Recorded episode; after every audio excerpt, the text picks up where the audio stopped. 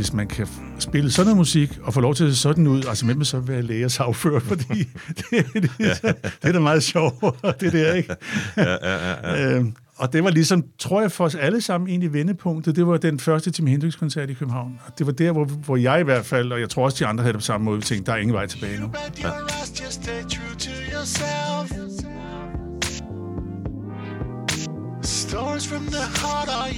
Velkommen til en ny episode af Mediano Music Podcast. Mit navn er Jan Eriksen, og min gæst i dag er Kasper Vinding. Velkommen til det lille studie, Kasper. Mange tak. Tak til, at jeg måtte komme. Selvfølgelig. Kasper er jo mest kendt som musiker, komponist, producer, DJ øh, med meget mere de senere år. I sjældne øjeblik kan man finde Kasper under aliaser som Dandy Andy, Domestica og K-Wipe har jeg også set. Vi skal blandt andet tale om det nye album i dag, The Test of Time Part 1. Øh, men, men jeg har jo set, at du er også involveret i et projekt med en interessant titel, titel nemlig House of Peace. Mm-hmm, ja. Som øh, lyder som et hus, der burde stå i Ukraine lige for det her. At, at det, byggeri, det, er jo, det er jo et stort byggeri, der skal være her i København. Ja, altså hvis det bliver i København, det ved hvis vi det ikke bliver i København, ja, ja, ja. Altså det er jo lidt afhængigt af finansieringen af det. Altså for os er det jo, sådan, for os er det jo bare fantastisk, det bliver bygget. Ja. Øh, det er vigtigere end, end øh, selvfølgelig, fordi vi har vi er fra Danmark, så det er sjovt, at det lå i Danmark, og, og vi er fra København, så vi tænker, vi prøver at lægge det i København, men hvis det ligger i Sønderborg, er det også fantastisk, eller det kan også ligge i Hamburg, eller i Ukraine, som du siger. Ja. Altså, Hvem er I, bortset fra det? Jamen altså, øh, lige nu, altså vi var fire, der startede det, kan man sige, sammen, øh, hvor jeg er den eneste, der er tilbage øh, fra, fra, fra de oprindelige. Og så er der nu en ny bestyrelse, øh, det er jo ikke mig alene, øh, og, og jeg er jo på mange måder totalt underfrankeret til sådan et projekt, andet end at have været en af dem, der fandt på det. Og det er som min styrke, og så min styrke er selvfølgelig min entusiasme. Øh, men derudover der er der en masse, jeg ikke ved noget som helst om. Og så har jeg jo den japanske arkitekt Yushi, uh, uh, Junior Ishigami uh, med, som har tegnet det, og sammen med en dansk arkitekt, der hedder uh, Johnny Svendborg. Og dem er jeg også med, og så har jeg en meget bred bestyrelse, som ved meget, meget mere, end jeg gør. Ja ingeniører og sagfører og alt muligt andet. Ikke? Det bliver spændende at følge det. Tak, jamen, det er super spændende. Super spændende. Som indledning hørte vi lidt af åbningsnummeret på det nye album, Stories to Tell. Og der er mange historier at fortælle, når det handler ja. om din karriere, kan man sige. Ja. Øh, og der, hvis man skulle fortælle dem alle, så blev det en meget, meget lang serie af podcasts. så det gør vi selvfølgelig ja. ikke, men jeg har valgt at lave et par nedslag. Ja, øhm, fantastisk. Spændende. Og jeg har læst i Sanne Salmonsens bog, uh, The Book lidt til og meget mere, at ja. uh, I som, jeg tror, kan det passe, det har været sådan en 10-12-årig, nogle gange mødtes, når Sanne var med sine forældre i sommerhus op i Tisvilde. Det er fuldstændig rigtigt. Ja. Hvor I ja. sad og drømte ja. lidt om fremtiden. Ja, ja. og jeg kunne egentlig godt tænke mig, jeg ved godt, det er, det er et stort, en stor ting at tage op sådan en torsdag morgen her, men, men uh, hvis Kasper dengang i den 10-12-årige version kunne se, øh, hvad Kasper havde opnået øh, mm. siden dengang, tror du så, Kasper havde været glad, den 12-årige version? Ja, det tror, det tror jeg virkelig, øh, han ville være.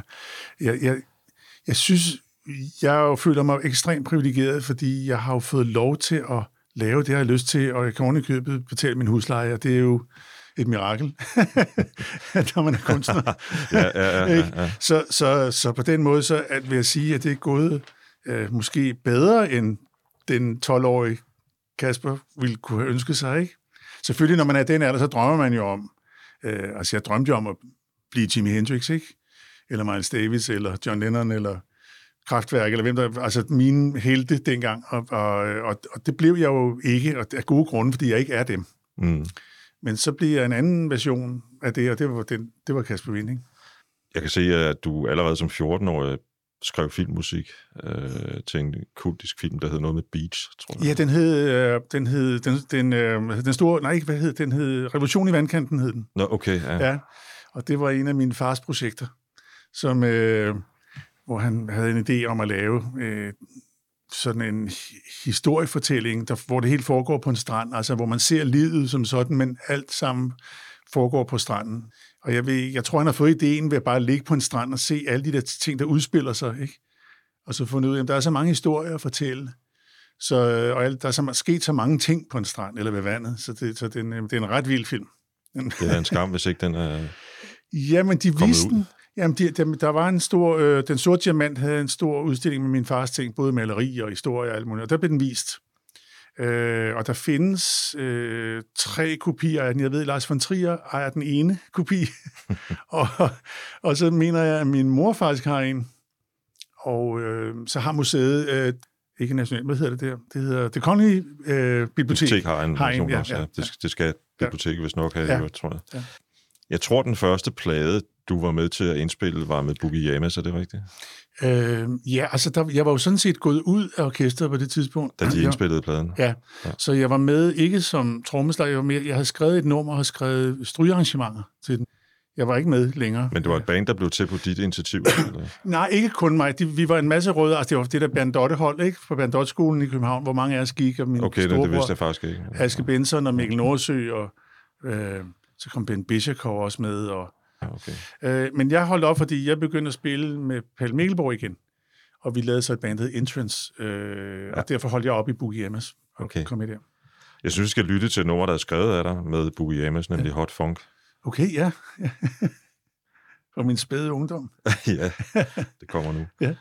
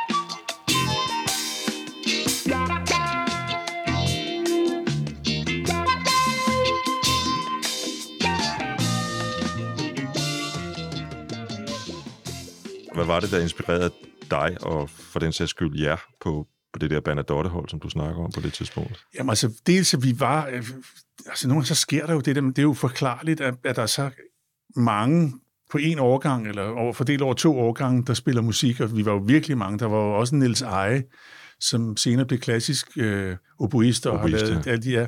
Og, øh, og hans lillebror Thomas Eje, og, og så var der udover Ben Bischekov og Mikkel Nordsø og Aske Benson og, og jeg selv. Øh, og så havde vi en helt utrolig musiklærer, som hed Adrian Benson.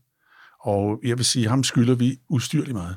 Mm. Fordi han, han åbnede hele den der... Han, han viste os, at alt kunne lade sig gøre. Vi skulle bare spørge om det, som han sagde. Drenge, spørg. og det gjorde vi så.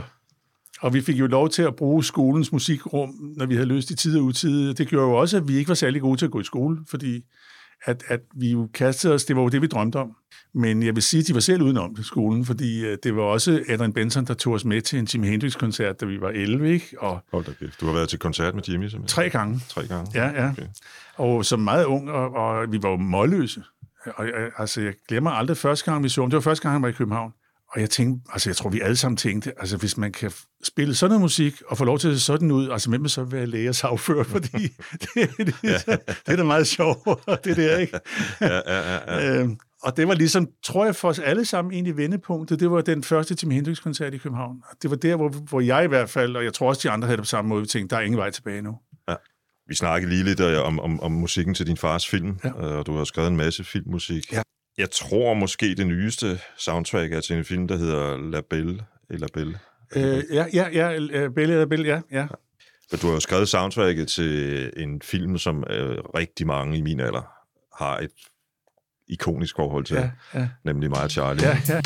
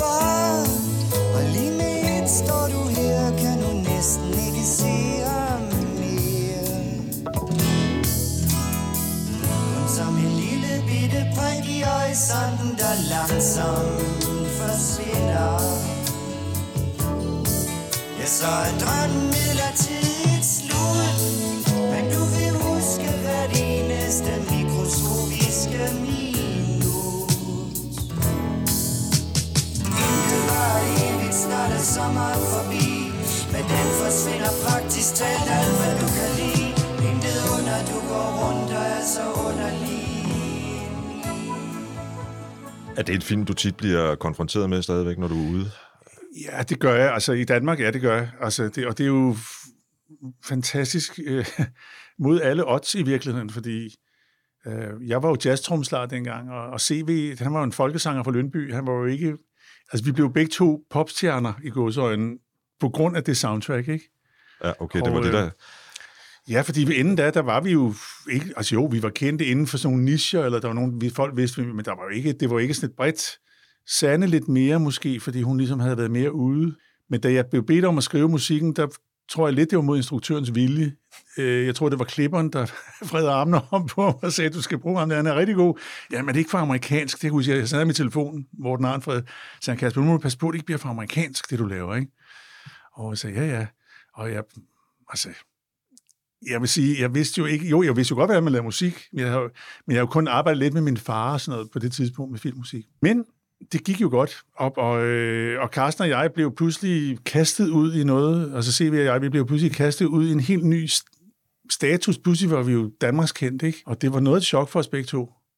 Heldigvis var jeg lige flyttet til New York, da det skete, så jeg var ikke så meget i skudlinjen, som Carsten var. Men jeg tror, vi skulle begge to synke nogle gange. Ja. Du øh, for siger jo selv, at du flyttede til New York. Det er jo sådan en cue til mig, fordi Ja. øh, jeg ved, at du medvirker blandt andet på Tattoo You, Ja, som er en Rolling Stones-plade. Ja, Øhm, jeg har brugt meget tid i går på at prøve at finde ud af, hvilke numre det er, du medvirker på. Øh, så vidt jeg kan høre, altså man, man, når man laver de der ting, jeg var jo med dem en uge, og oprindeligt skulle jeg have spillet trommer sammen med Charlie Watts, fordi jeg kom med, fordi Keith Richards havde en idé om noget med to trommeslager. Og det var jo helt åndssvagt, fordi identiteten ligger jo i deres lyd. Så snart der kommer en ny en ind og blander sig i det, og trommer er jo meget markante, så forsvinder deres identitet jo lidt, ikke? Og, og, øhm, Plus at Charlie Watts trommespil var jo øh, temmelig unikt. Altså, det, Fuldstændig. altså, Altså, det- jamen, altså det, der er ikke nogen... Altså, det, det, det var helt fantastisk. Og jeg havde jo så æren af at ligge på gulvet midt i studiet, mens de spillede og hørte. altså, øh, og jeg endte så op med at spille tamburin på et nummer, og så sådan en meget stor trum på det andet. Jeg tror, det er det, der hedder Waiting on a Friend. Det der, Ja. ja. der tror jeg, min tamburin figurerer. Ja. Øhm, og så det andet nummer, hvad det hedder, jeg kan ikke huske, hvor der er sådan en meget stor trum på. Øh, jeg kan faktisk ikke huske, hvad det hedder nu. Men, men, øh, men, men jeg var selv lidt i tvivl, om, om, om, de, om det var mig eller en anden, fordi det ved man ikke. nej, Og, og jeg ved selv, Sonny Rollins, som spiller saxofon på pladen, der er jo ingen, der er krediteret. nej, præcis. Det er jo det. det, er Ja. det. Så, øh, så grunden til, at jeg egentlig tænkte, om, okay, så er det mig, det var fordi, der i Rolling Stone Magazine havde de skrevet creditlisten, og der stod jeg på. Ja, okay. Så, så jeg tænkte, okay, så, så, så er jeg vel med. Ja. Altså,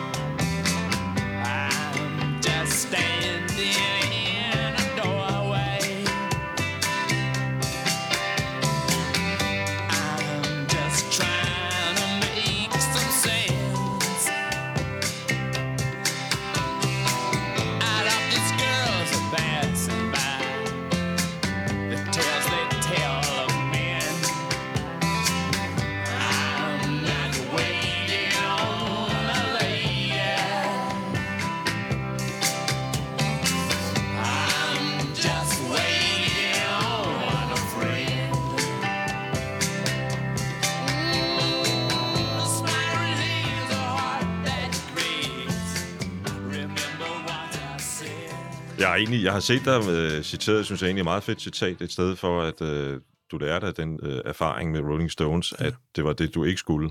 Ja, det er rigtigt. Altså, det var med til at, at, at, at cementere, at jeg skulle være komponist og ikke trommeslager. Øh, og hvilket jo i starten var svært, fordi jeg tjente jo rigtig godt på at være trommeslager, og jeg blev brugt enormt meget, også i Amerika. Og, men mit hjerte lå, altså hver eneste gang jeg kom hjem, så sad jeg bare og spillede klaver, ikke? Og, og, øh, og da jeg så var med, det, med, med det var den uge med Stones, og det var det, det snakkede om før, det er det med identiteten. Altså, det, det er jo det, man finder ud af, det er det, man har. Min identitet, det var ikke at spille trommer med, eller tamburin med, ligegyldigt hvor sjov det end er, øh, med Rolling Stones, eller med nogen som helst andre, det er at være mig. Det er bare, undskyld, det var forbindeled op til Stories to Tell, som du sådan Ja. nævnte før. Ja. Den handler netop om det der med, at man er jo altid som kunstner, har, kan man nogle gange have en frygt for, gud, kan jeg blive ved med det? Har jeg, kan jeg skrive mere musik? Går jeg død, ikke?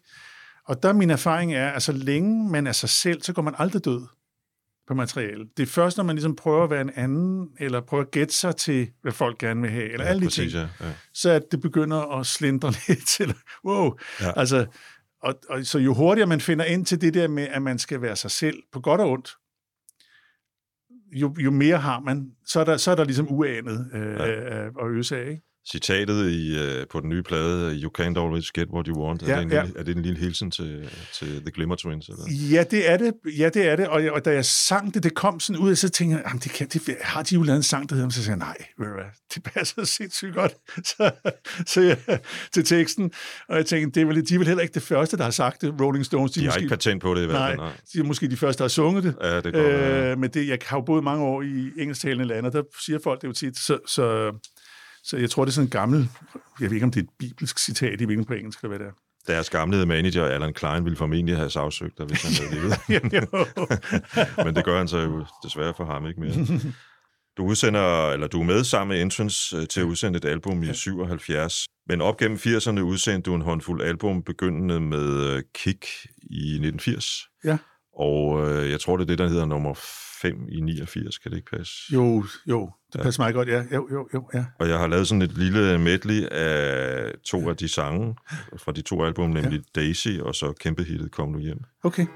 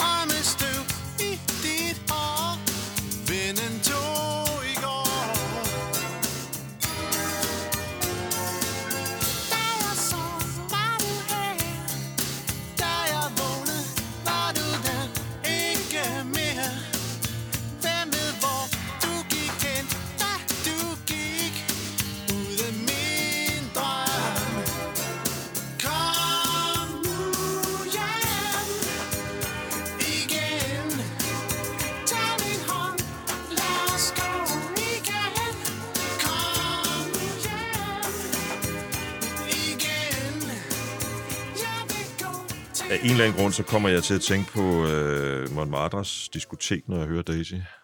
ja, ja.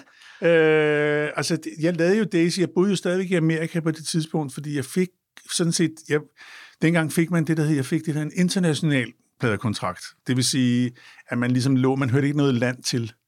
at det var noget, pladeselskaberne gjorde dengang, med, med, i stedet for at blive signet i Amerika eller Danmark eller Sverige, eller hvor man nu kom fra, så fik man... Øh, så jeg havde mest med, med New York-kontoret at gøre i virkeligheden.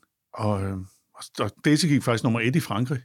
Men det var sådan meget underligt, fordi, fordi man ikke havde det der... Øh, altså, verden er jo blevet meget mere international nu, så det var ret kaotisk, øh, det der. Der var ikke rigtig nogen, der tog hånd om. Jeg havde heller ikke noget management rigtigt, og så jeg opdagede, at jeg var nummer et i Frankrig, ved jeg gik på Champs-Élysées faktisk men en, en kæreste, jeg havde på det tidspunkt, og pludselig er der sådan en, altså en mandshøj papfigur af mig i vinduet i Fnac, ikke?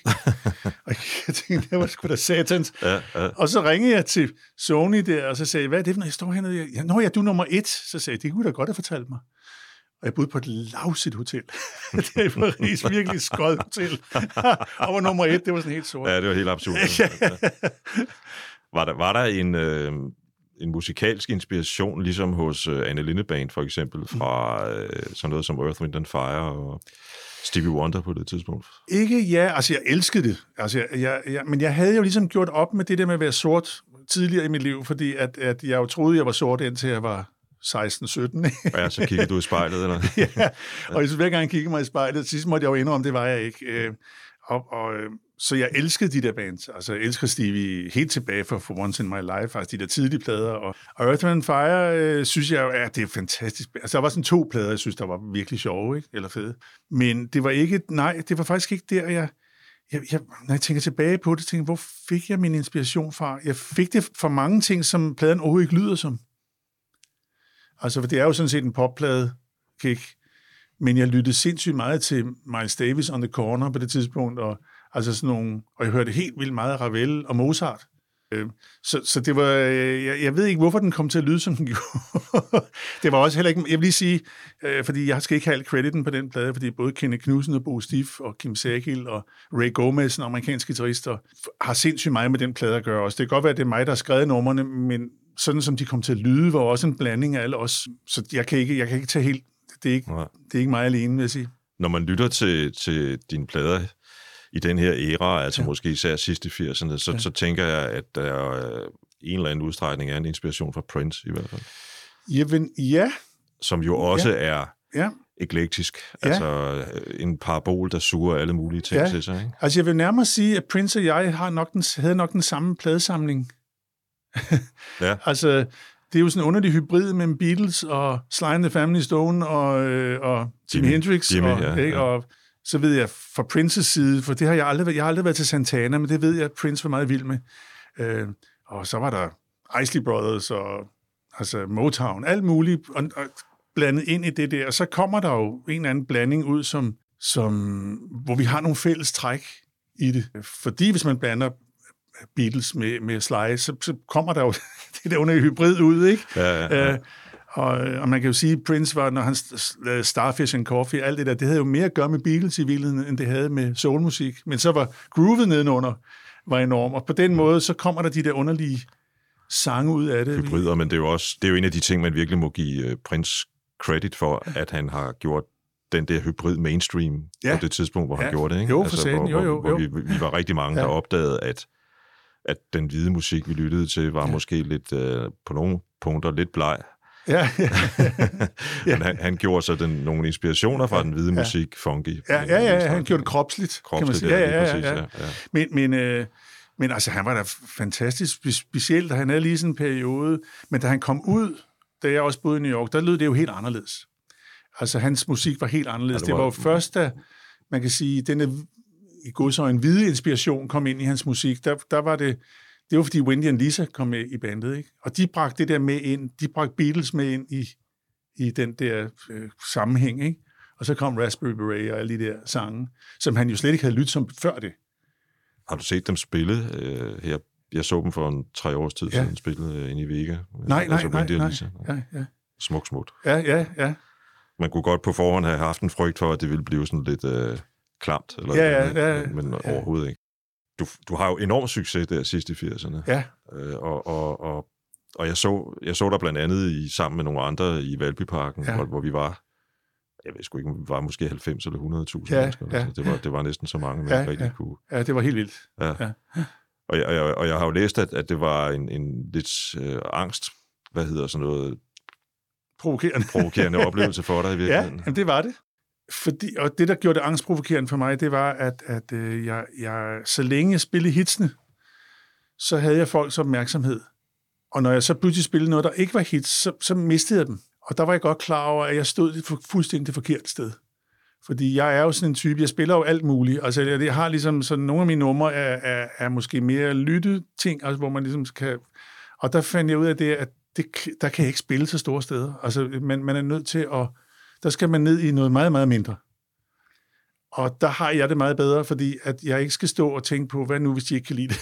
eller, eller hvad, fanden, hvordan kommer jeg nu afsted med det her? Eller, og der har jeg så fundet ud af, at så snart jeg får det ned i et lille, et lille og det er så, lad os sige, hvad er lille, så det kan så være i virkeligheden alt fra ni mennesker, men maksimum 1000, ikke? Så, kan jeg, så, så går folk med mig på rejsen på en anden måde, fordi der er en intimitet involveret i det. Og lyset går ned, og det er ikke udendørs, og det er ikke ølfest. Det er, det er musikken, det handler om. Og der går folk altid med mig på rejsen, og det er en fantastisk oplevelse, i hvert fald for mig. Jeg håber det også, at det er for dem, men det virker sådan. Og den er svær at gøre, eller den er faktisk nærmest umulig at gøre. Og jeg, jeg så, interessant nok, når vi lige har om Prince, så var der nogen, der havde postet en koncert, som jeg så faktisk i parken for, det, hvad er det, 30 år siden nærmest. Øh, jeg tror, det var Love Sexy, eller sådan en plade, han var ude at spille. Og, og det var da sindssygt fedt, man stod der. Men når man pludselig så det på film bagefter, så kan man se, at der er så meget knald på hele tiden. Og jeg blev helt sådan forpustet. Ikke på den fede måde af det. Og jeg, jeg kunne slet ikke mig slukke. Jeg slukkede til sidst, fordi jeg tænkte, det var ligesom Prince Light, eller hvad det hedder. Altså, det var sådan en skygge af ham, fordi han jo ikke fik lov til at være. Han gav ikke sig selv lov til at være den tossede Prince, som jo i virkeligheden er den sjoveste del af ham. Og som han som heldigvis kom til at dyrke senere hen i Ja, karrieren, kan man sige. Ikke? Ja. Øh, Men det var pludselig for meget fest og for lidt musik for mig. Ikke? Ja, altså, det, var, det var meget sådan noget øh, hitparade også, Ja, jo. altså, som, som, som selvfølgelig er fedt for publikum. Ja. Ja. Ja, når man står der, er det super godt, ja. og man, jeg gik også op for mig, det tænkte jeg ikke, jeg stod der, men altså tempoerne er helt vildt høje hele tiden, ikke? Altså han spiller alting for hurtigt, mm. synes jeg, ikke? Og så bliver det faktisk ufunky. Det bliver ja. ukropsligt af det. Og, og, og, det er jo netop det faren ved at skulle, hvis det pludselig bliver ens forum, det der kæmpe. Og der er nogen, der gør det, hvis du spiller, altså hvis du er sådan et hitband, der bare spiller, tik, tik, tik, altså hvis du er Dua Lipa for eksempel, eller sådan noget, Mm, mm, mm. og det eneste, jeg har set gøre det, synes jeg er rigtig, rigtig godt, og faktisk også formået at gøre et stadion til et intimt sted, det er YouTube. Altså, Bono, han har en fuldstændig fantastisk evne til, til at kunne gøre, når han synger One eller de der sange, så får han 30.000 mennesker til at virke som om, der er 20, Ja. ja. og han synger til os alle sammen. Altså, den der, det er en ekstrem evne. Jeg tror, på en eller anden måde, så har, har hans karisma altså noget at gøre med hans øh, religiøse baggrund, og, Ja, sikkert. Som han jo stadigvæk dyrker. Ja, ja, ja, ja, jo. Altså, Men så har han også bare en evne, som nogle mennesker er givet, ikke? Jo. altså nogle få mennesker. Ja, og så synger han fantastisk, ikke? Altså, Fantastisk, stadigvæk, Så, så, og man, stadigvæk, så man, ja, han gør, og man bliver jo man bliver rørt af det. Så det tager jeg hatten af for. Så jeg siger ikke, at det ikke kan lade sig gøre, for det kan man jo så se der, det kan. Men min store held, Bowie, som, det er jo min største, hvis nogen, altså, ham har jeg set på meget store scener, det fungerede heller ikke. Jeg spiller lige øh, en uh, Stonebad nummer, som jeg på en eller anden måde tror har en symbolsk betydning i den der, hvad kan vi kalde det, øh, sådan turnaround, du lavede på det tidspunkt. Det er Ja. nemlig det nummer, der hedder Simon. Ja.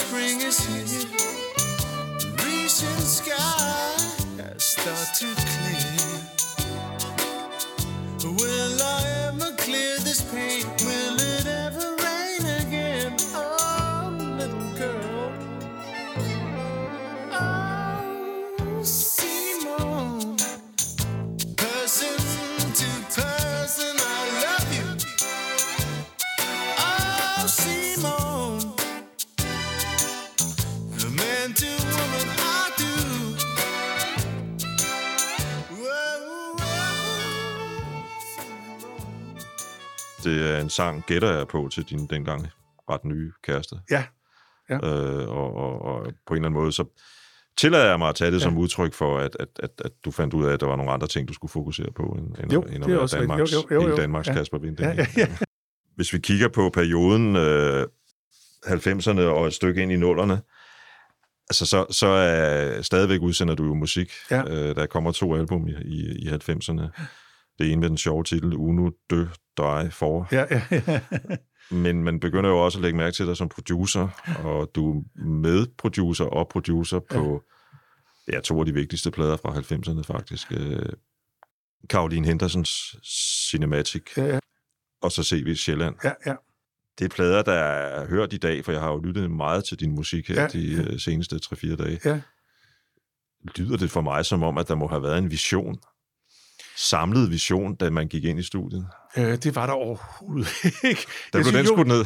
ja, altså måske jo mere med Carsten på Sjælland, fordi han ikke havde lavet noget i lang tid på det, på det tidspunkt. Og Carsten og jeg havde jo ikke rigtig arbejdet sammen. Jo, vi, vi sang øh, Alle har en drøm på min nummer 5-plade sammen. Ja, men, ja.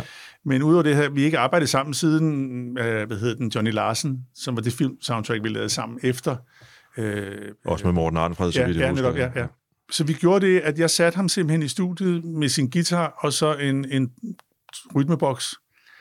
Og så sang han sangen ind. Så han bare spillede sin guitar, og fordi jeg synes, han spiller enormt fedt guitar. Han gør det ikke så ofte på plade, eller gjorde ikke, fordi der var altså så mange guitarister med. Og jeg synes, det giver, gav noget til det, til hvordan den, hvad kan man sige, den, den overordnede følelse af pladen blev ved hans måde at spille på. Og så øh, gik vi i gang, så havde vi ligesom det som grundstamme, og alt, hvad der ikke passede til det, det blev kasseret.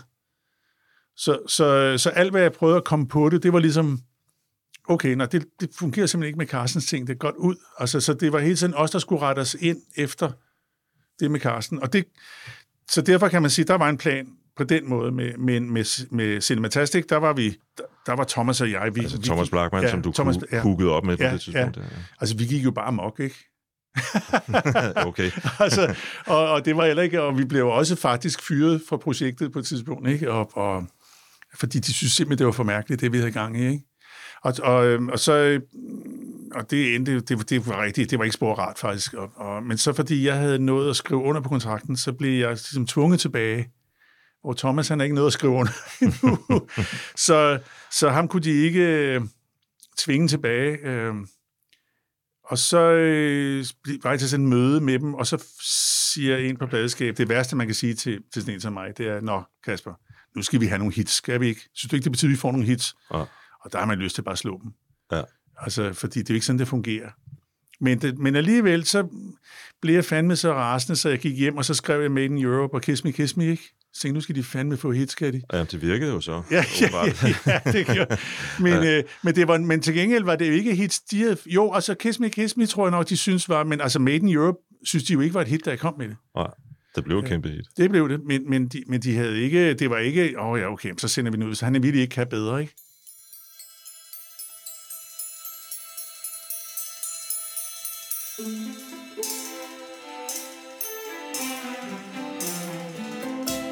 Travel light, you won't even notice that I'm passing through. My voice is a whisper that you hardly hear, but my perfume you remember. Do I complain? Do I belong to anyone or anywhere?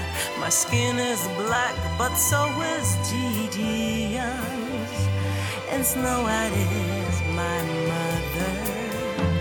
But will I ever get to the end of my journey?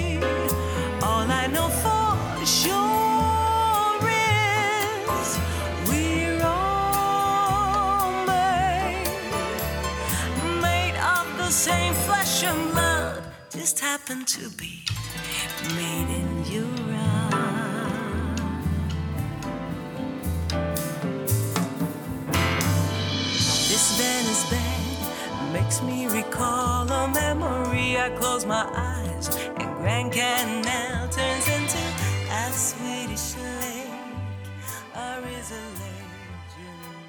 når, når jeg har lyttet til, som sagt, til din musik her, så synes jeg jo, at langt hen ad vejen er der en fornemmelse af, altså sådan filmisk, cinematisk Ja, ja, fornemmelse ja. i rigtig meget af din Ja. musik. Altså, jeg ved godt, at, Ja.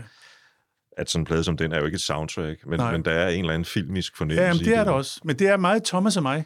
Men det er fordi, at både Blackman og jeg, vi er ret sådan øh, orkestrale i vores tankegang. Altså, jeg, jeg kan jo ikke skrive et nummer uden at tænke, at så kommer fløjten ind, og så spiller den der. Og, altså, så når jeg har skrevet sang, så begynder det hele, og, og, og Thomas er på nøjagtig samme måde. Og jeg tror, det er det, der gør det filmisk.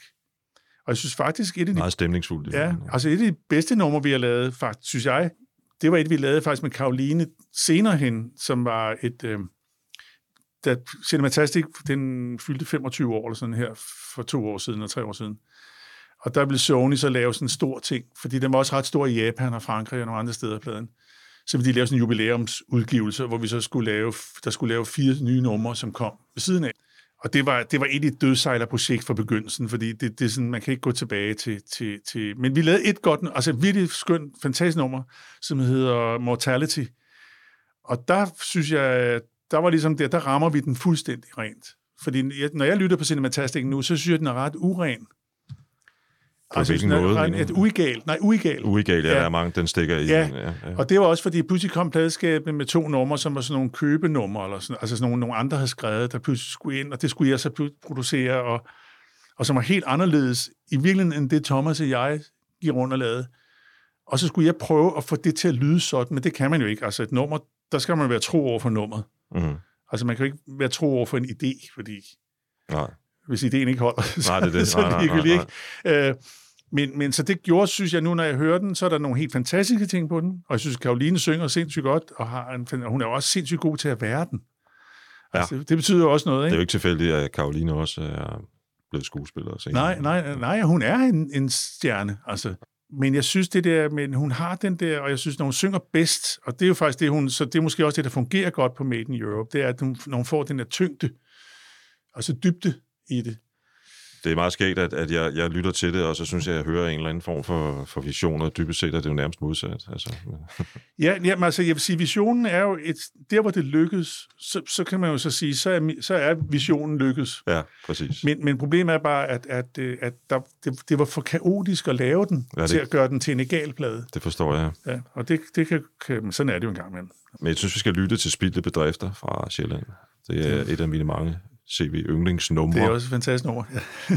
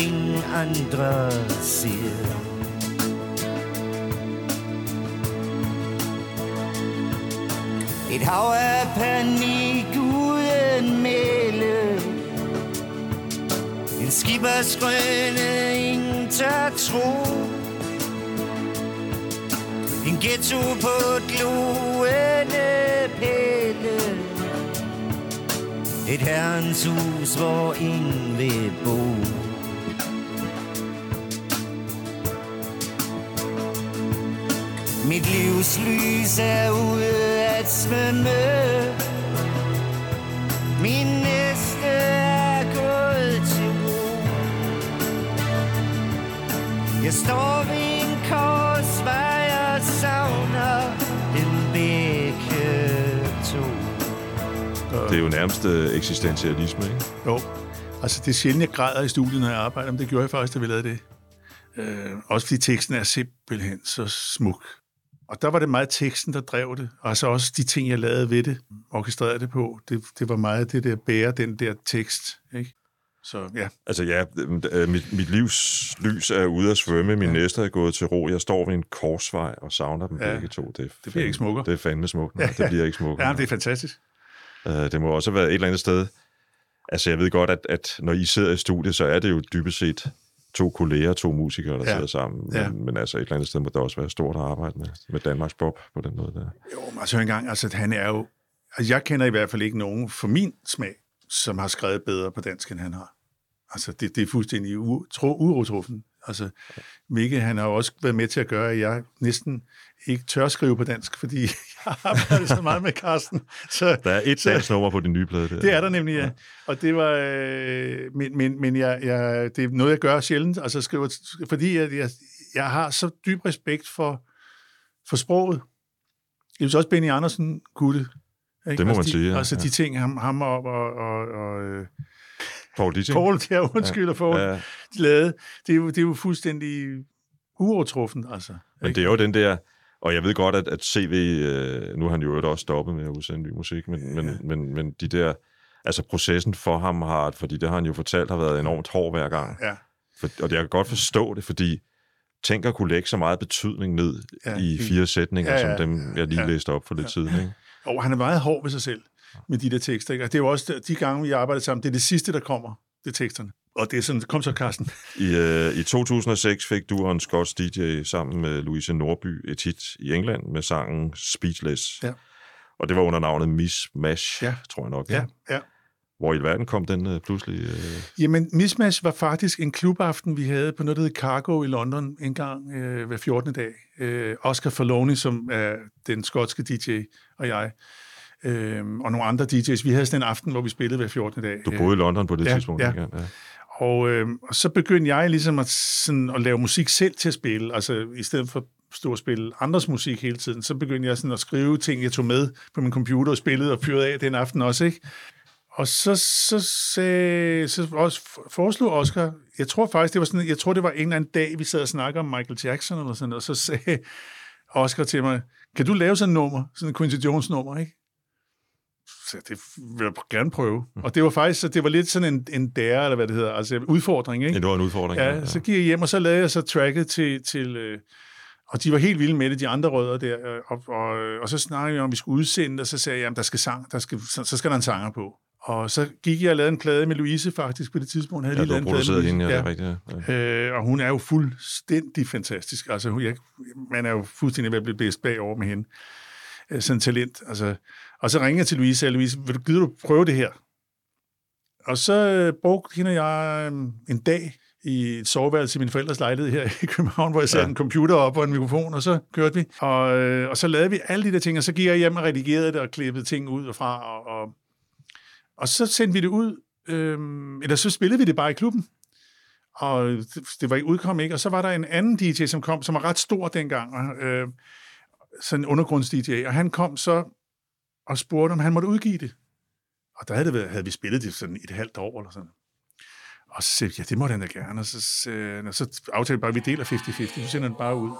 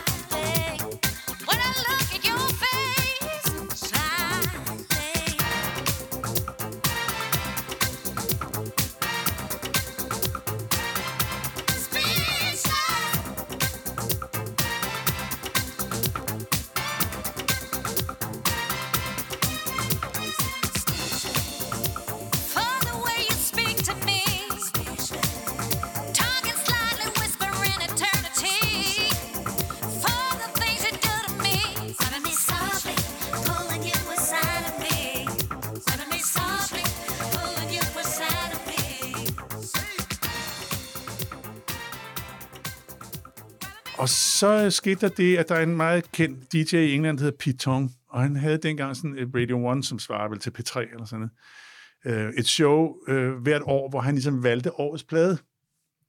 Og så valgte han sgu Speechless som mm. årets plade, og det kom jo fuldstændig bag på os.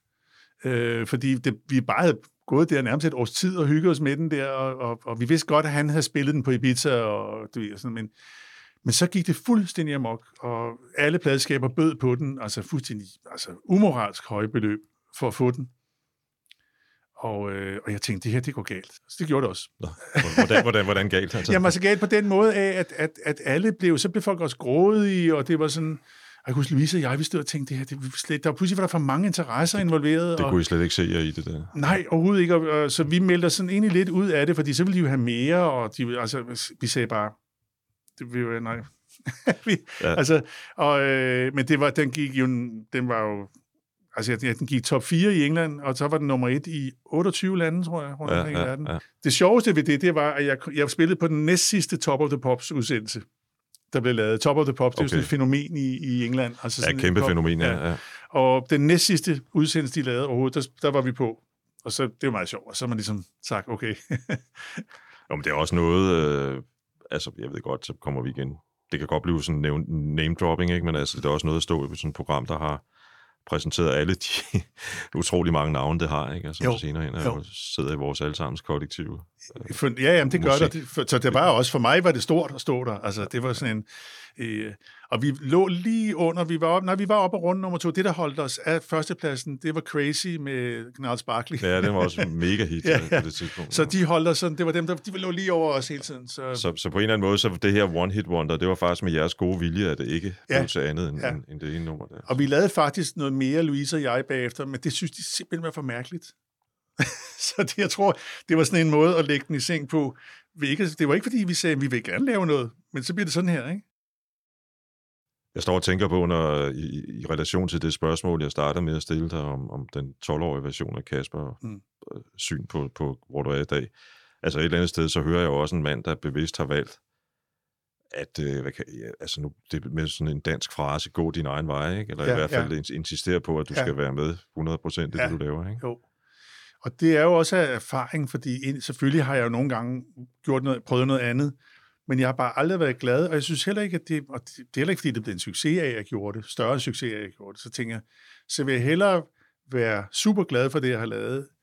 Øh, om det så går godt eller dårligt, det, det er sådan set, jo, det er jo altid dejligt, når, når det går godt, men, men jeg vil have det rigtig elendigt med at gå dårligt med noget, jeg ikke kunne lide selv.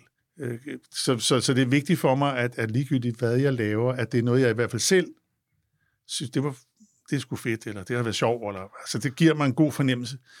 Øh, jeg gætter på, at det også gælder din, din mange job som DJ, ikke? At det, det er også Jo. altså for mig var det der DJ også en måde at rense min, mig selv på lidt, fordi at øh, jeg koncentrerede mig om mig selv, siden jeg var 14, ikke?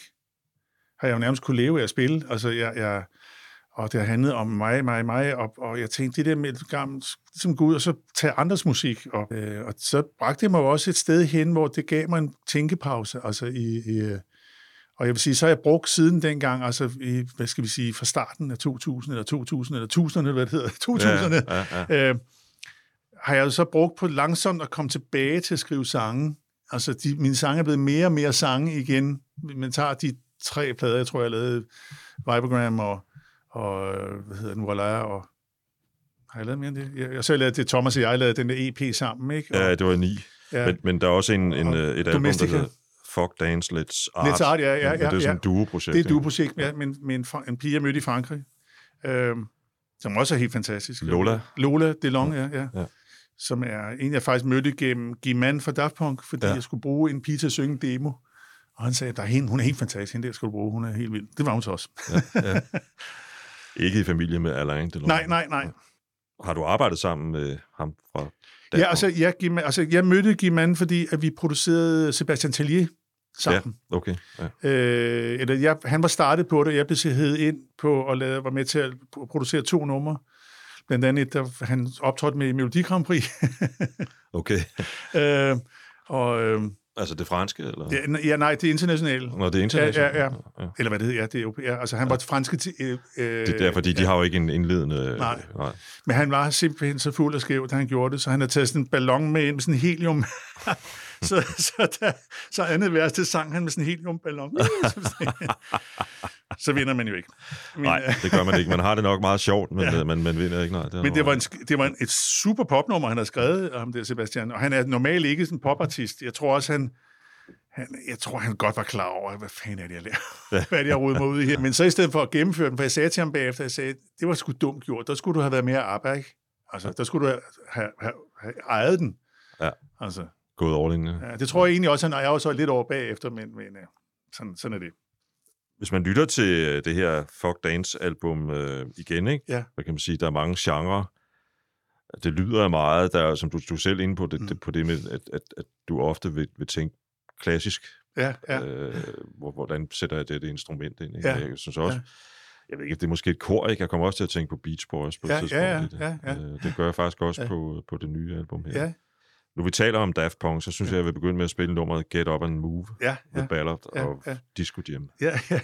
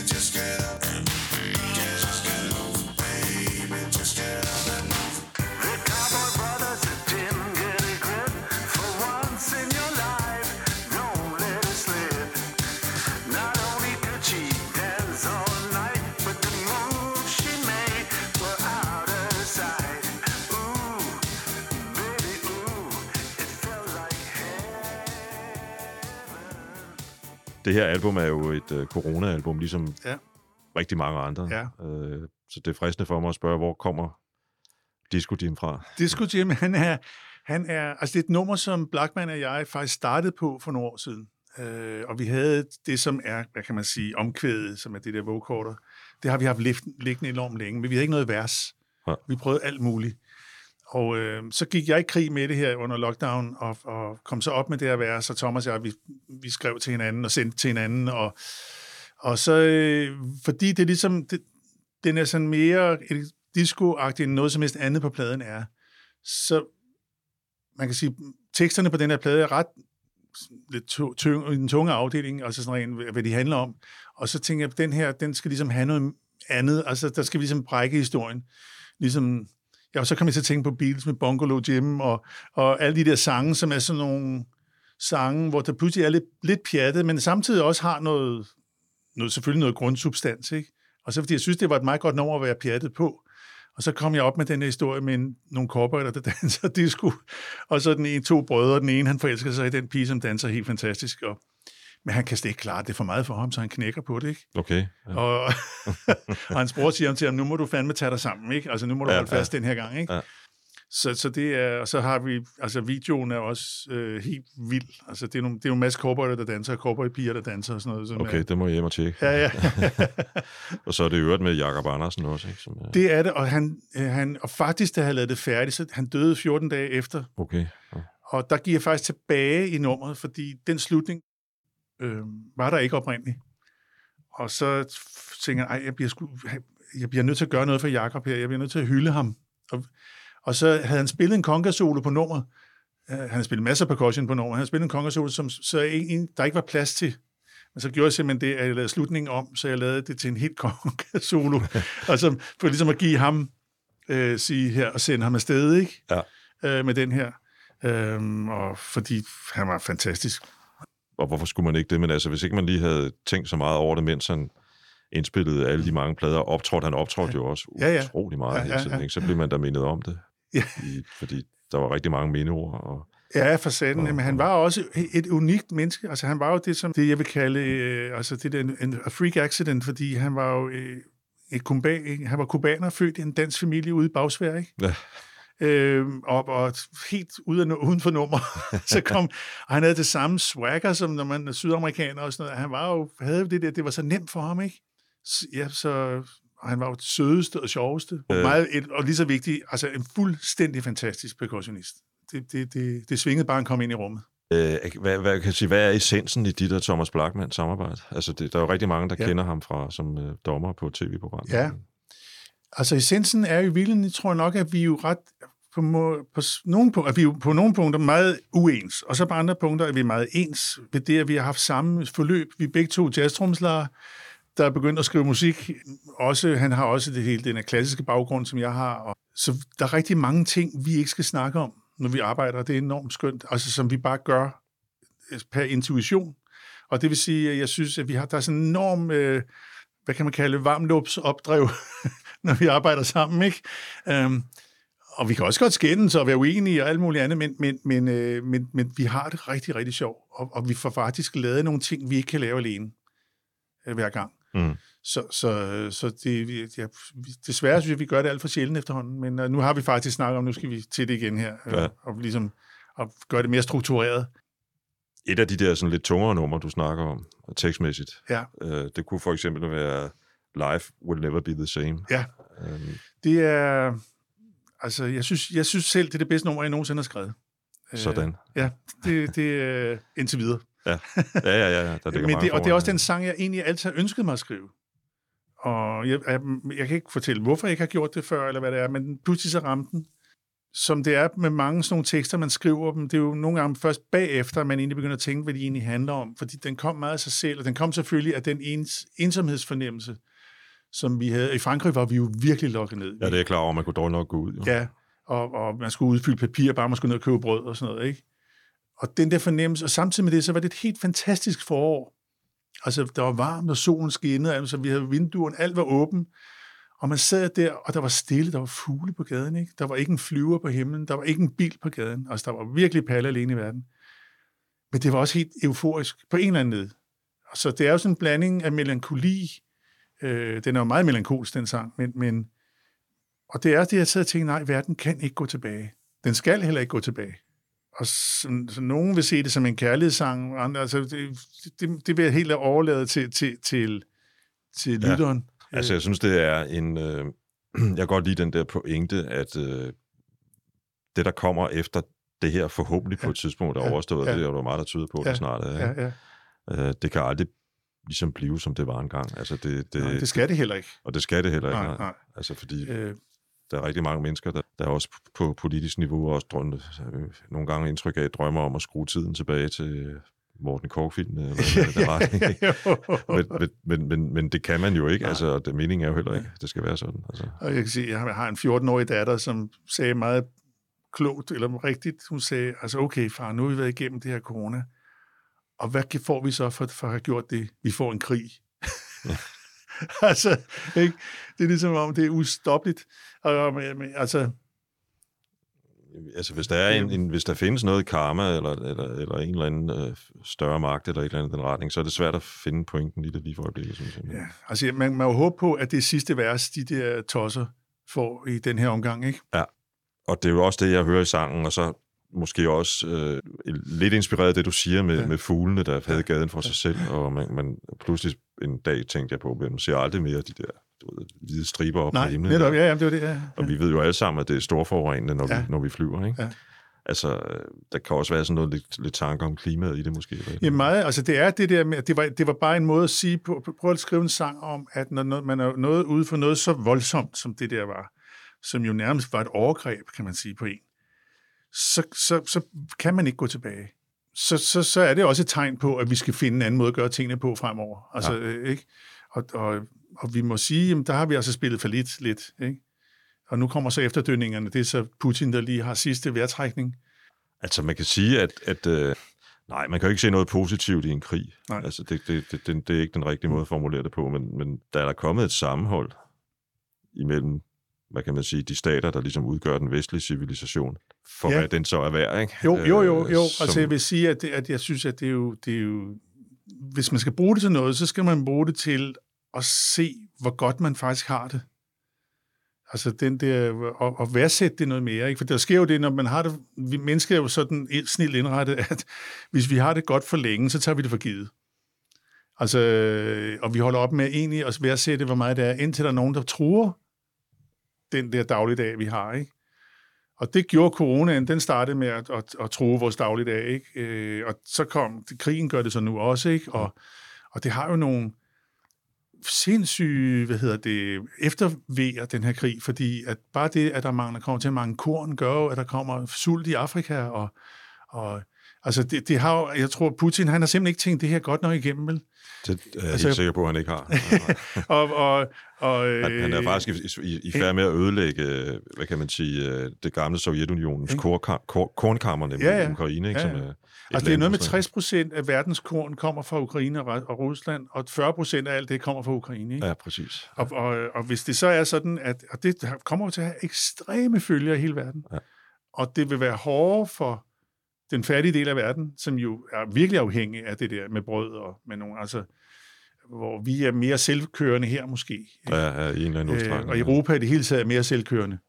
Det er måske lige, skulle lige være gassen eller sådan, som vi ikke er så selvkørende med. Men det, Der, er, der, er en, der er en ting der, der ikke er helt... Øh, Men altså, det tvinger os måske så til gengæld på en god måde til at, at tage os sammen til at sige, nu, nu skal vi gøre noget ved klimaet.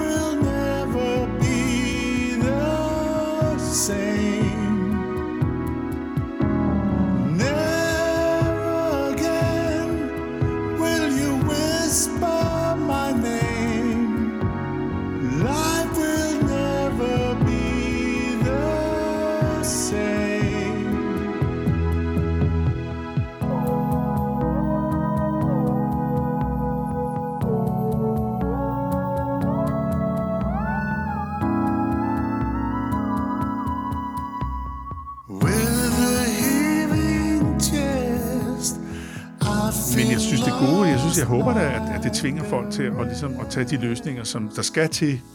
Uh, og så må vi, kan det godt være, at vi kommer til at fryse lidt mere i et par år, men så må vi så gøre det. Altså, det er jo det, og, og den enkelte kan også gøre nogle ting, ikke? fordi Jo. man, man kan sige, en, som konsekvens af en masse ting, der flyder sammen mm. I en strøm, så bliver øh, alle menneskers varmeregninger jo lige pludselig også meget høje. Ikke? Jo, jo. Øh, plus at priserne ude i supermarkederne stiger og sådan noget. Ja. Det, men det tvinger jo også Ja. ja. til at træffe nogle valg. jo, og inflationen øh, kommer også nu, og, og det er også meget godt, så forbruger folk lidt mindre. Ikke? Altså, Ja, hvis, jeg ja, tror, ja, altså det hele taget skal vi jo til at tænke os om. Og hvis man tror på, at der er universet er større end os, så tror jeg, at universet har en plan. Ja. Med alt det her elendighed, ja. ikke? Det er fordi, jeg tænker, hvis de ikke kan gøre det selv, så må vi gøre det for dem. Altså Præcis. på en eller anden led, ikke? På en måde hænger det, vi står og snakker om nu, tror jeg nok, Ja. ja. sammen med øh, et nummer, som du har lavet sammen med din søn, tror Ja, jeg. ja. At det er sådan, altså jeg kom til at tænke på, at en, af, en, en sang, der jo er sådan kanoniseret som nærmest sådan en dansk, øh, du ved, folkeejer, det er jo Kim Larsens De smukke unge mennesker, Ja, hvor han synger, hvad det er, de vil med livet, Ja. kan de, kun de selv forstå. Og den her sang, der, der går du jo ind ligesom og siger, jeg vil gerne forstå det. ja, ja, ja, ja, ja. Øh, at, at, hvad, er det en, en del af, hvad kan man sige, pointen i sangen? Eller? Ja, det er det lidt. Altså, det er at stille sig selv det spørgsmål, hvad er det, vi, vi, vi vil med det her? Hvad er det, vi har brug for? Altså, en ting er, at det er noget, vi drømmer om, og vi, eller vi ser os selv som... Altså, det der med at sige... Jeg kan ikke huske, hvem der har udtalt det. Der. Jeg tror faktisk, det var Dalai Lama, der har sagt, at, at han synes, at mennesket er jo fantastisk, fordi det bruger det meste af sit liv på at tjene en masse penge. Og når det så har fået pengene, så bruger de de penge på at, at, at helbrede de sygdomme, de har fået undervejs for at tjene Ja. alle de penge, ikke? Ja, ja. og så dør de. Ja. Og det eneste, de ikke har gjort den vej, det er at leve. Eller blive den rigeste person på kirkegården. Altså, hvad er det, vi har gang i, ikke? Mm. Og det, det, og, og det der med hele tiden at tænke på i morgen, i stedet for at tænke på nu. Jeg tror, det er sindssygt vigtigt, at vi tænker på nu. Altså, hvad er det lige her? Altså, for vi ved alligevel ikke, hvad der sker om 14, bare 14 dage frem, eller en uge frem. Altså, vi ved det faktisk ikke. Altså, der var ingen, der troede på, at Putin gik ind i. De troede, han bare, det var sådan noget falsk noget, og så pludselig var han der, ikke? Altså, Sabelrasleri. Ja, ikke? Øh, så jeg tror, vi skal koncentrere os rigtig meget om nu, og vi skal koncentrere os om hinanden. Altså se det i et, i et meget større perspektiv end vores egen lykke, og det er det, den handler om, min sang, i virkeligheden. Det er det der med, at det vi ønsker, jo mere vi ønsker det for alle, jo større chancer er der for, at, at vi faktisk har en chance for at få en verden, der er værd og, og, og der er også værdig, ikke? Jeg sad faktisk lidt i går på min altan i det her blændende vejr, vi har lige for øjeblikket, ja. mens jeg skrev på mit manus til ja, den her podcast, ja. og tænkte over det der, vi snakker om med Valbyparken og succes, ja. Og, og for at bruge den kliché, succesens pris, ikke? Ja. Og tænkte på, hvad er succes egentlig? Altså, så, Ja. så tænkte jeg, succes, det må vel være et eller andet sted, at man, man, man netop er, til, er, for, er der for dem, man har i sin nærhed, øh, lige her nu, som du siger, ikke? Jo, Og- eller og- også, man skal selvfølgelig også være der for sig selv, fordi man skal... og for sig selv, og selvfølgelig for verden, som Ja, sådan ja, også. Ikke? ikke? Men, men jeg tror, man i første omgang skal man nok være der for sig selv. Ikke? Fordi, Jo, fordi det er jo, du skal jo være i stand til at have styrken til at, at hjælpe andre, ikke? Øh, Og det har man jo ikke, hvis man bare lægger sig ned på gulvet. Så, så det er vigtigt, tror jeg, man, man har. Men, men det, som man, man skal rense sig selv for, det er grådigheden i det. Og det er den, man skal være bevidst om. Øh, og i bund og grund, og der kan man så sige, det var måske også en af de ting, der var under lockdown, det var, at vi fandt ud af, at der var rigtig meget, vi kunne klare os uden. fuldstændig rigtigt. Ikke? altså, og, og, og den må vi ikke glemme. Og jeg, jeg, men jeg kunne alligevel ikke blive lidt mere, jeg kunne alligevel ikke lade være med at være trist over at se, hvor mange, der pludselig skulle på skiferie alligevel. De, de kunne ikke komme hurtigt, afsted hurtigt nok, vel? Nej. Øh, og der tænker jeg, har I intet lært? Altså, er, er, er, er der overhovedet ikke nogen, eller de skulle i Thailand, og de skulle alle... Altså, pludselig så var det sådan, det er ikke fordi, jeg ikke forstår mekanismen i det. Men ja, man kunne godt håbe på, at, at lidt flere mennesker lige har stoppet og sagt, okay, jo, det skulle være skønt at komme på skiferie, men hvor er det dog skønt, at jeg bare kan gå ned i parken, Mm. ikke? Jo. Jeg kan gå, ud til vandet og gå mig en tur, eller gå ned i skoven, jeg kan gøre. Der er sindssygt mange muligheder for at gøre noget, som er skønt. Og det er jo det, vi skal til at lære, tror jeg. Det er at være glade for den der vidunderlige skov, der ligger lige nede, eller hvis man har en strand i nærheden. Øh, måske også lige huske, og man kunne da også bare ringe til sin gamle ven, øh, eller Det kunne man et nemlig. familiemedlem, ja, ja, ja. og spørge, om ikke man skulle øh, gå sammen ned i parken og sidde og snakke. Jamen, fuldstændig rigtigt. Over en kop kaffe rigtigt. eller ja, et eller andet ja, ja, ja, ja, ja. Fordi vi skal til at lære at rejse mindre. Og man behøver ikke nødvendigvis øh, købe nyt tøj 17 gange om året. Det kan Nej. måske, måske er 10 nok. Eller, Ja, eller så, når man så køber tøj, så køb noget, der holder. Ja præcis. Ja. Altså, øh, og, og, og, så det er de ting, vi, vi, vi, vi bliver nødt til at lære det, og, og hvis vi ikke lærer det, så lærer universet os det på, nogle gange på lidt frygtelig manér. Det lyder næsten buddhistisk. ja, det ved jeg. Men jeg synes også, det er på en eller anden måde common sense. Jeg, jeg ved jo ikke, hvad universet kan, men det er også en analogi for, for at, at det større... Altså, vi skal jo huske en ting, som er stensikkert. Det er, at vi har brug for verden. Verden har ikke brug for os. Det er meget, meget vigtigt, at Ja, vi forstår præcis. det. Ikke? Fordi verden vil Ja. også være der, Ja, når vi er væk. når vi er væk, Ja, og, ja. Og, og det hele sviner til Ja. affald eller et eller andet. Og, og så skal vil den vil faktisk være lykkelig, for vi ikke er mere. Jeg så tror i hvert til at rydde op, den, den ikke? finder på noget, ikke? Jo, jo, det. Og Altså, det, det-. Så hvis vi ikke vil have den slutning på tingene, og vi gerne vil have, at vores børnebørn oldebørn, og hvor meget det er, har en verden, der er, er, er dejlig at være i, så, så skal vi jo også tage os sammen, og det på alle lederkanter. Ja. Altså, det er også psykologisk og psykisk. Og, så ja, tilbage til What is your wish, det er det, den handler om.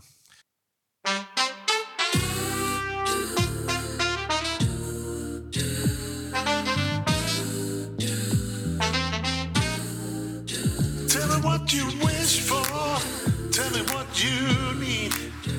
There must be something besides greed.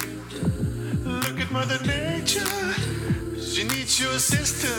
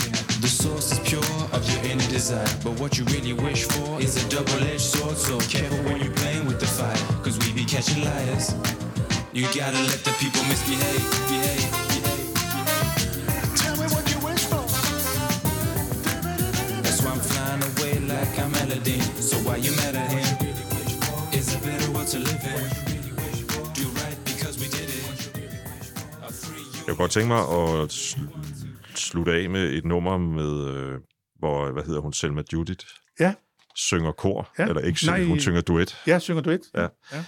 Ikke, ikke kor, hun synger duet sammen med dig. Ja, ja. Øh, og i øvrigt er der et- par andre duetter også mm. på, øh, på albumet. Øh, Ja. og, og, og i forvejen er jeg ret vild med det album, hun udsendte øh, for Ja. et stykke tid siden. Ja, ja, Øh, og hun er i sig selv en, en spændende person. Ja, Altså, meget. Kender ja. hende Ja. bare fra medierne, ikke? Ja, ja, altså, hun ja, ja. som Hun, er, spændende. hun er lige så spændende, som du tror. Ja. og det hedder Godt at Get Up. Ja. Hvordan øh, opstod jeres samarbejde? Jamen, det opstod på, øh, på faktisk den omvendt måde. Øh, men på den måde. Det startede med at min datter, jeg har en datter, der spiller harpe også. Okay, ja, det gør Og, hun jo øh, også Selma ja. der. Ja. Ja. Og så øh, var der nogen, der havde snakket om Selma. Jeg tror, det var Jonas Bjerre fra, fra Mew, der fortalte mig om Selma. Og der var den her pige. Og så tænkte jeg, det var enormt sjovt for min datter at prøve at møde sådan en, fordi fordi hun spiller, min datter er klassisk, spiller klassisk, og, og hun er 14 år gammel, og nogle gange så tror jeg, hun synes, det er meget fedt, hvis det var et instrument, kunne noget, der passer til hendes egen alder, eller hvad det hedder. Ja. Og så øh, ringede jeg til Selma, da vi var i, i forrige sommer, og, sådan, og så sagde jeg, om hun ville give, give Polly nogle, en time, eller sådan, bare for at Polly kunne komme ind og se. Man kunne også godt have tatoveringer og alt muligt andet at spille harpe. Og øh, de endte så med at spille, jeg tror, den er kogen-sang, eller sådan noget. Det var enormt fint, og det var, det var... Og så fandt jeg jo pludselig ud af, at hun var datter af min barndomsven Lars Trier, som er hendes far. Øh, og, og, øh, men det var sådan rundt den, den omvejende vej. Men så hørte jeg det, så mit management spillede så noget for, for mig med, fordi jeg, der havde- kendte jeg ikke, vidste jeg ikke, hvordan hun lød. Og så sagde mit management, du skal lige høre, det er super fedt det der. Og så den lyd, da jeg så skrev godt at get op, så var jeg godt klar over, at jeg skulle synge den med en anden, og så kom den der stemme tilbage til mig. Øh, altså Selmas, jeg tænkte, det, det skal være hende. Altså. Og så ringede jeg til hende, og så sagde jeg en gang, Selma, jeg har den her sang, og jeg vil gerne have, at du skriver dit eget vers. Jeg fortæller dig, hvad sangen hedder. Jeg fortæller dig ikke, hvad jeg har skrevet. Du får kun titlen, og så får du selvfølgelig tracket, så du kan høre det. Og det, der var vanvittigt, eller dejligt, det var, at da hun så kom med teksten, så handlede den om nøjagtigt det samme som mit vers. To, to kindred spirits. Ja, ja, simpelthen, ja. ja. Og, øh, men det er ikke hende, der spiller harpe på det, det er faktisk min datter, der spiller harpe på det. Nå, okay, da, Ja, ja. den kritiske på det der. Ja, ja, ja. Så, så øh, men, men øh, ja, Nu nævner du lige uh, von Trier, du har også skrevet uh, filmmusik til ham, ikke? Som jeg husker jo, det. altså meget lidt, fordi han bruger jo mest, øh, han bruger mest numre, altså musik, som er lavet. Altså, Ja, det er rigtigt, ja. ja. Og så i, i starten, der var det Joachim Holk, der skrev til ham, men så den hed Epidemic, lavede noget til blandt andet sådan en Wagner, en heavy metal udgave af et Wagner-nummer, som man gerne vil have, hvor han selv rapper på, faktisk. Det er rigtigt, jeg kan godt huske, der er noget med... Ja, ja. det kan jeg godt huske. Og, og så speedede vi ham ned, fordi at, at hans stemme var ikke så autoritær, og så kom han til at lyde som Uffe Ellemann. det griner vi meget af. Ja.